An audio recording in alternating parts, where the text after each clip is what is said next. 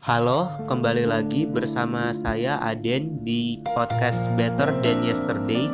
Dan hari ini saya akan membacakan suatu cerita pendek yang berjudul Jiwa Besar Berkah Besar.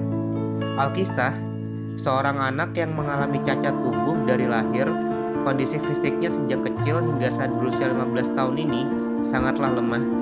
Berjalan pun harus menggunakan penyangga tubuh Bahkan kursi roda selalu dipersiapkan di sekitarnya bila tubuhnya tidak lagi memiliki kekuatan untuk melakukan aktivitas. Walaupun begitu, si pemuda kecil itu tidak pernah menampakkan raut muka yang sedih. Senyuman selalu menyungging di setiap kata-kata yang terlontar dari bibirnya. Keluarganya saling menyayangi dan bergantian memberi dukungan baik fisik maupun semangat. Di suatu senja, saat berdua menikmati matahari kembali ke peraduan, si kakak membuka pembicaraan. Dik, kita berandai-andai nih. Kalau bisa atau kalau boleh memiliki atau kalau ada yang kamu inginkan dan ada yang mau memberi, apa yang ingin kamu ubah di kehidupanmu sekarang? Sambil tersenyum santai, si adik menjawab, tidak ada. Jangan buru-buru menjawab, pikir baik-baik dulu. Jika kamu diperbolehkan mengubah apa pun itu, apa yang ingin kamu ubah? Si kakak penasaran mengulang pertanyaan yang sama.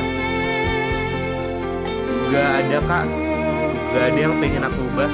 Dan mengapa aku harus mengubahnya? Tanyanya balik. Aku, kamu tidak ingin bisa berjalan sendiri. Kamu tidak ingin terlepas dari tongkat penyanggamu dan kursi roda itu. Balas si kakak dengan nada sengit. Ah, gak mau. Dengan tongkat penyangga dan kursi roda ini, aku gak perlu capek berjalan dan mengantri di mana pun aku kakak sendiri tahu kan aku sudah bisa bermain bola dan dari kursi roda dan teman-temanku juga senang bermain denganku. Aku pokoknya gak ada apa pun yang ingin aku ubah serunya. Setelah berdiam beberapa saat si adik meneruskan bicaranya. Kak jangan marah dulu ya. Sungguh kak gak ada yang ingin aku ubah di kehidupanku sekarang. Karena aku tahu dan aku sadar aku tidak mungkin bisa mengubah kondisi tubuhku yang lemah ini tetapi aku bahagia dan sangat bersyukur yaitu memiliki ayah, ibu, dan kakak yang sangat mencintaiku. Memiliki keluarga dan teman-teman yang baik telah lebih dari cukup dan itu sudah lebih dari yang aku harapkan. Dan aku tidak ingin mengubah semua ini dan menggantikannya dengan apa pun. Segera si kakak berbalik dan memeluk adiknya sambil berbisik sayang. Terima kasih dik, kakak selalu menyayangimu.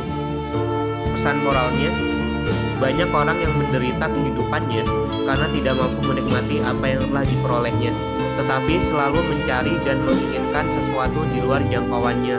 Merasa sukses itu ada di sana, bukan berada di sini. Maka berbahagialah orang yang mampu menerima keadaan hari ini apa adanya tanpa menggerutu, mengeluh, dan tanpa kasihan pada diri sendiri.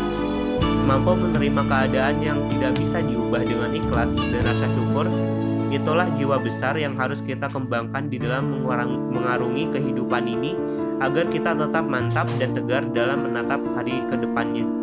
Kita tersenyum saat kita maju dan sukses itu adalah hal yang biasa.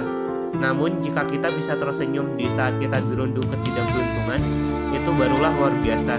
Itulah kekayaan hidup dan itulah pemenang sejati.